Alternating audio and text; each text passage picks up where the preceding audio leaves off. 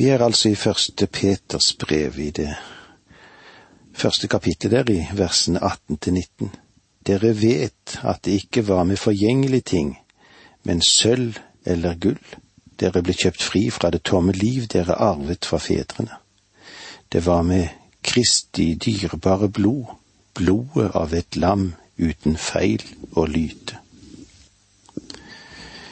Disse ordene skrevet til jødefolk eller jødekristne som var spredt omkring. Ordet om blodet av et ulastelig og lydløst lam. Det hadde en særlig klang for dem. Tanken gikk med en gang tilbake til den forferdelige natten i Egypt. De så for seg familiene som var samlet omkring i hjemmene hvor påskelammet var slaktet. Uten blod av lam ville de førstefødte være dødsdømte. Nå kunne de sitte trygge og glade mellom de andre. Lammets blod hadde reddet dem. Men hadde forbildet slik betydning den gang, hvor mye er det ikke mer for oss i dag? Vi kan være trygge som er kjøpt fri med Jesu Kristi dyre blod. Hør det du kanskje som er redd og skjelver for dom og straff. Hør du som kjenner på dine mange feil og vet at både Gud og menneske kan laste deg for dine synder. Han som ga sitt liv i døden, har kjøpt deg fri fra alt det du måtte frykte for. Både den synd du har gjort, og den synd som bor i hjertet ditt. Alt dette ble lagt på Jesus. Han er uten lyte. Ingen kan laste ham. Han var og er slik som Gud ville ha ham, og nå blir alt det han gjorde, tilregnet deg. Kan du tenke noe større? For en gave han har gitt oss, Jesus som kom. Og så er spørsmålet, vil vi ta imot den gaven? Vil du ta imot den gaven? Her gjelder det ingen fortjeneste. Her blir det bare spørsmål om du som en fortapt synder tar dommen inn over deg og går til Kristus, koste hva det koste vil. For det koster å gå konkurs på sitt eget liv, det vet vi alle sammen. Det koster å bli frelst av bare nåde. Og det koster å leve et liv på en annen, på en annen sin regning men det er et salig liv, det er et godt liv. Visstnok får jeg aldri noe til gode. Men så blir jeg aldri i en slik situasjon at jeg står i gjeld. For jeg tilhører ham som kjøpte meg fri, og han har lovet å gi nåde nok for dette. La oss lese sammen versene 18 og 19. Dere vet at det ikke var med forgjengelige ting, med sølv eller gull dere ble kjøpt fri fra det tomme liv dere arvet fra fedrene. Det var med, Je med Kristi dyrebare blod, blodet av et lam uten feil og lyte. Kan du og jeg egentlig gjøre noe for å frikjøpe oss selv? Ingenting. Ingenting. Hvordan kan vi da bli løskjøpt? Med Kristi dyrebare blod. Her sier Simon Peter, denne røslige fiskeren, ennå en gang at Kristi blod er dyrebart. Vi verken taler eller synger for mye om Kristi blod i vår tid. Og grunnen er kanskje at vi finner det litt anstøtelig, kanskje sterkt anstøtelig. Vel, i Bibelen er det ikke anstøtelig, og i Simon Peters sitt liv så syntes det absolutt ikke å være anstøtelig. Tvert imot så sa han at det var dyrebart, dyrebart. Med Kristi dyrebare blod, blodet av et lam uten feil og lyte. Simon Peter, som levde med Jesus Kristus i alle de årene han fikk lov til å være sammen med han her, i de tre årene, sa at han var uten flekk eller lyte. Han var absolutt syndefri. Jeg tar Peters ord for det der. Han står i en mye bedre stilling til å kunne bedømme dette enn det moderne forfattere som fremstiller Jesu bare som et hvilket som helst annet syndig menneske. Moderne forfattere, de skriver for penger, mens Simon Peter, han hadde ingen slike baktanker, han. Det eneste han fikk for sitt vitnesbyrd om Kristi lidelse, var at han til sist ble korsfestet. Han sa at vi ikke blir kjøpt fri med forgjengelige ting som sølv eller gull, men med Kristi dyrebare blod, blodet av et lam uten feil og lyte. Dette er en objektiv beskrivelse av vår forløsning, vår frikjøpelse. Det var dette Gud gjorde for deg og gjorde for meg. I vers 20 leser vi slik, Han var bestemt til dette før verden ble skapt, og for deres skyld er han blitt åpenbart nå ved tidenes ende. Han var bestemt til dette. Kanskje et bedre ord er forutbestemt til det. Kristus var forutbestemt til dette før verden ble grunnlagt. La meg få lov å si det så enkelt som jeg kan. Kristi kors var ingen ambulanse sendt til en ulykke. Kristus var lammet som ble slaktet før verdens grunnvoll ble lagt, fordi han hele tiden visste at jeg, Åge Nevland, og alle andre mennesker vil trenge en frelser, og han elsket ham nok til å gi oss en frelser. Jeg trenger ingen computer for å trenge gjennom denne veldige tanke. Jeg trenger bare en Gud med et stort hjerte fylt av kjærlighet som kjøpte meg fri ved sin nåde. Han var bestemt til dette før verden ble skapt, og for deres skyld er han blitt åpenbart nå ved tidens ende altså allerede før verdens grunnvoll ble lagt, før Gud skapte universet. Eller vi kan si fra de evige tider var han Kristus kjent, nemlig av Gud. Han var utsett, han var utvalgt til å være forløseren som skulle utfri den falne menneskeslekt fra syndens skyld og lenker. Han eh, kjente ikke bare dette som en teoretisk viten, han var selve grunnlaget for dette. Om Kristus ble utvalgt til sin forløsningsgjerning i evigheten, så ble han åpenbart, steg synlig inn i verden først ved tidenes ende, det vil si i den siste epoke av den nå, det nåværende tidsløp, den tidsalder som tok til da verden ble skapt hele tidsrommet mellom Kristi første komme og hans gjenkomst, kalt den siste tid. Kristus står altså i tidens midte. Det frelsesverk han fullbyrdet, har sin rot i Guds evige rådslutning, og markerer avslutningen av den gamle verdenstid, inngangen til den nye. Med Kristus har vi fått en endegyldig og fullkomne Guds og frelses åpenbaring. Nå skal fullendelseskreftene i denne åpenbaringen folde seg ut, inntil Kristus kommer igjen og avslutter de siste tider av dette verdensløpet. Da begynner den kommende tidsalder, den kommende verden. Da har åpenbaringen nådd sitt mål, og Gud er blitt alt i alle. For deres skyld kom Guds sønn til verden, og det gjør denne mektige sannheten livsnær og personlig. Det gjelder også dem. Det er av nåde, adel og ansvar. Vi leser sammen det 21. verset.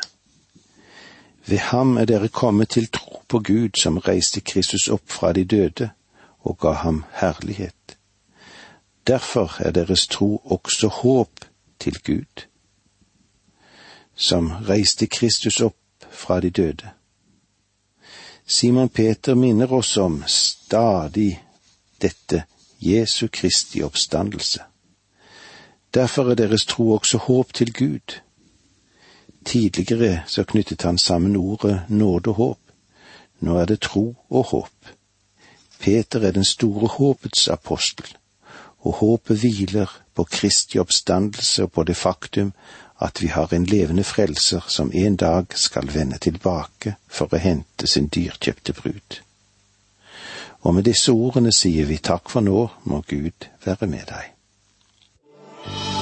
Dette undervisningsprogrammet består av to deler. Åge Nevland fortsetter nå med andre del av dagens undervisning. Vi er i Peters første brev i det første kapittelet, og vi ser på den uvisnelige arv som vi har fått, og hvordan vi blir gjenløst og renset, og håpet som ligger foran oss. Og vi frykter ikke Gud som en slave frykter sin herre, men med en kjærlighet som ikke kan holde ut tanken på at den skal påføre den han elsker smerte. Hvem kan tenke seg å vende tilbake til Egypt når et slikt påskelam har gjenløst oss. Vår gjenløsning var ikke en tilfeldig handling. Den hører med til en evig plan. La oss derfor vokte oss så vi ikke vikler oss inn i de jordiske ambisjoner. Vi leser i vers 22. Ved å lyde sannheten har dere renset dere, så dere kan leve i et oppriktig kjærlig, i oppriktig kjærlighet til brødrene. Elsk da hverandre inderlig og helhjertet.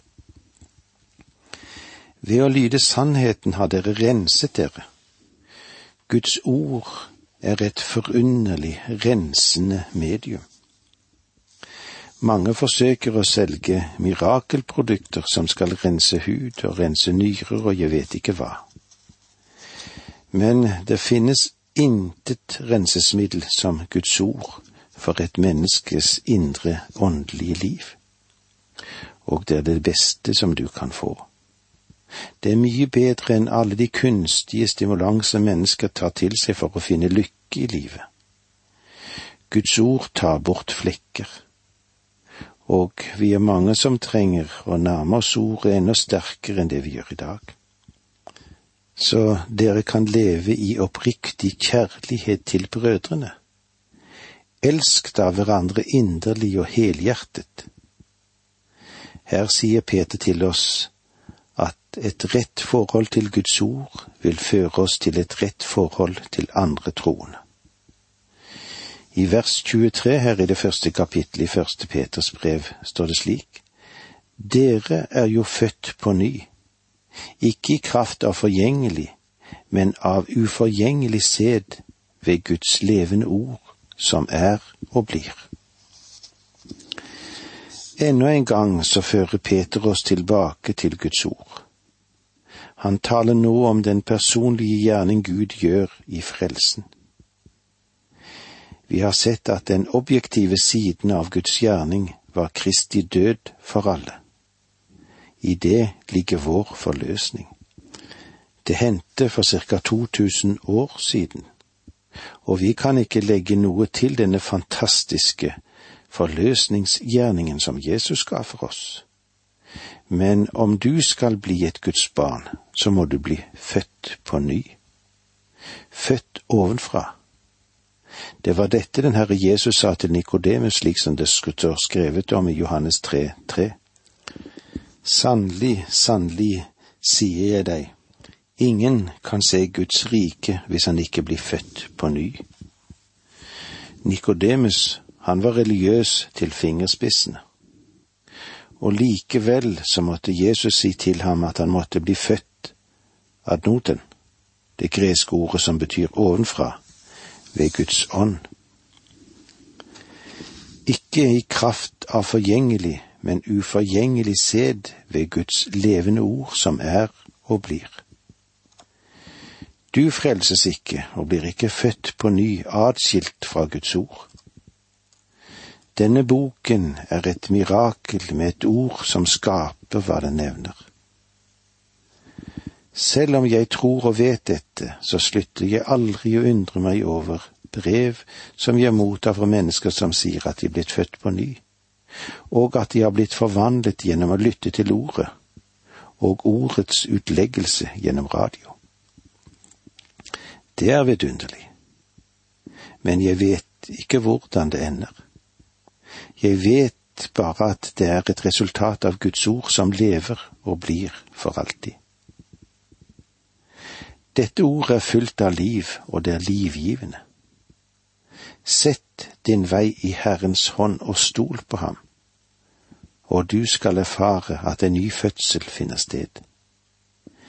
Det er en undergjerning fordi Guds ord er levende, helt ulikt andre ord.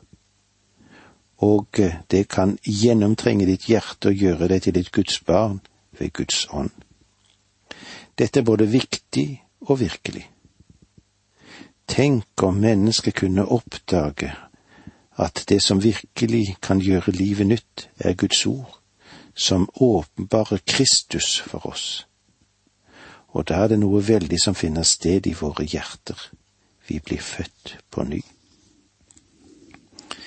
I vers 24 For alt det som lever er som gress, og all dets prakt som markens blomst.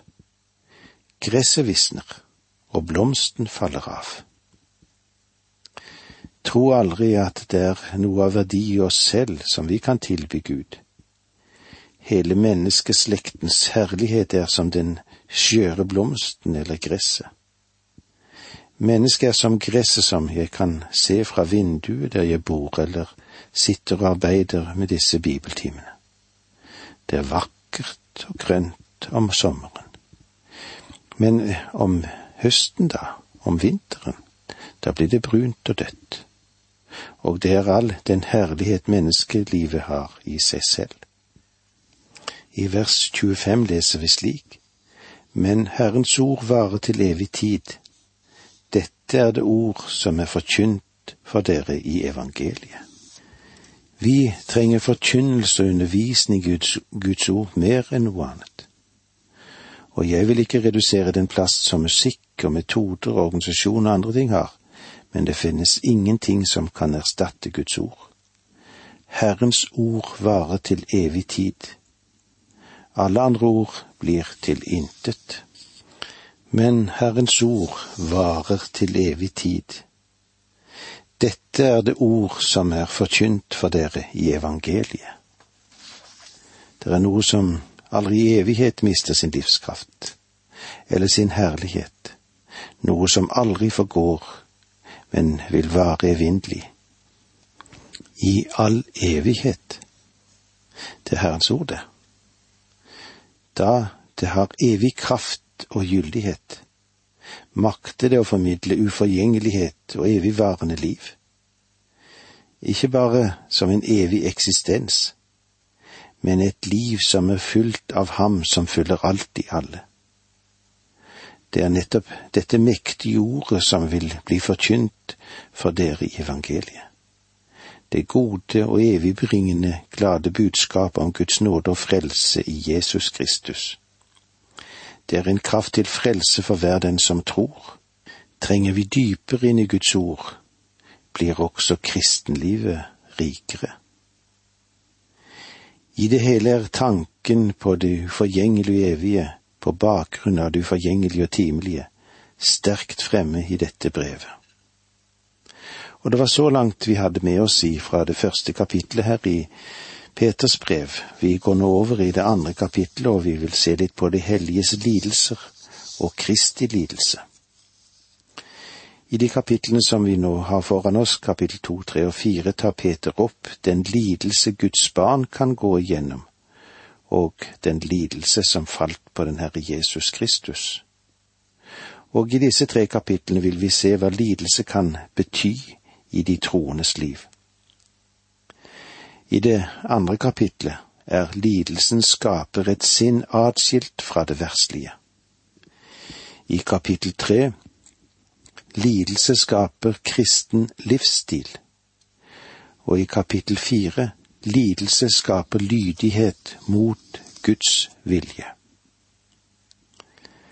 Lidelse skiller oss ut. Det kan vi kanskje sette som overskrift over det vi vil gå inn i nå. På tale om det å være skilt ut, eller det å leve for Herren, så er det òg en fare at vi tilpasser oss et av de to ekstreme synspunktene, og begge disse to anser jeg for å være uforenlige med Bibelens linjer. Det ene synspunktet er at menneskenaturen er av en slik art at det eneste den trenger, er en ny retning. Det må få en ny målsetting. Men litt reformarbeid vil gjøre susen. Mennesker som inntar denne holdningen, tror at siden det er noe galt med menneskenaturen, så trenger det bare å vekke den enkelte til en veldig energi, og det intellekt og den moralske natur som bor i oss, slik at vi kan være i stand til å leve for Herren. Det er den ene siden av det mange mener det er å leve det kristne livet. Så har vi den andre siden, da, av det ekstreme synspunktet.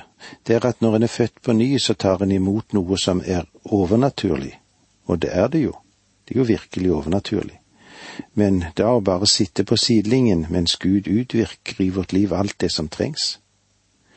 Folk som hyller dette synspunktet, kan virke meget fromme, men erfaringene taler ofte imot dem. Mange synes ikke at det å vokse og utvikle seg til elskelige, fullmodne, normale kristne. Så dette andre kapittelet i første Peters brev gjør noe helt klart at du og jeg, gjennom nye, den nye fødsel, født på nytt med uforgjengelig sæd ved Guds ord, har fått en ny natur. Og vi skal leve i denne nye naturen ved Den hellige ånds kraft. Vi er ført inn i et kjærlighetens fellesskap med en som vi ikke har sett, men likevel elsker. Simon Peter så ham og elsket ham, men selv om du og jeg ikke har sett ham, så kan Den hellige ånd gjøre ham virkelig for oss, slik at vi elsker ham på samme måte, også vi. Og med disse ordene må vi si takk for nå, må Gud være med deg.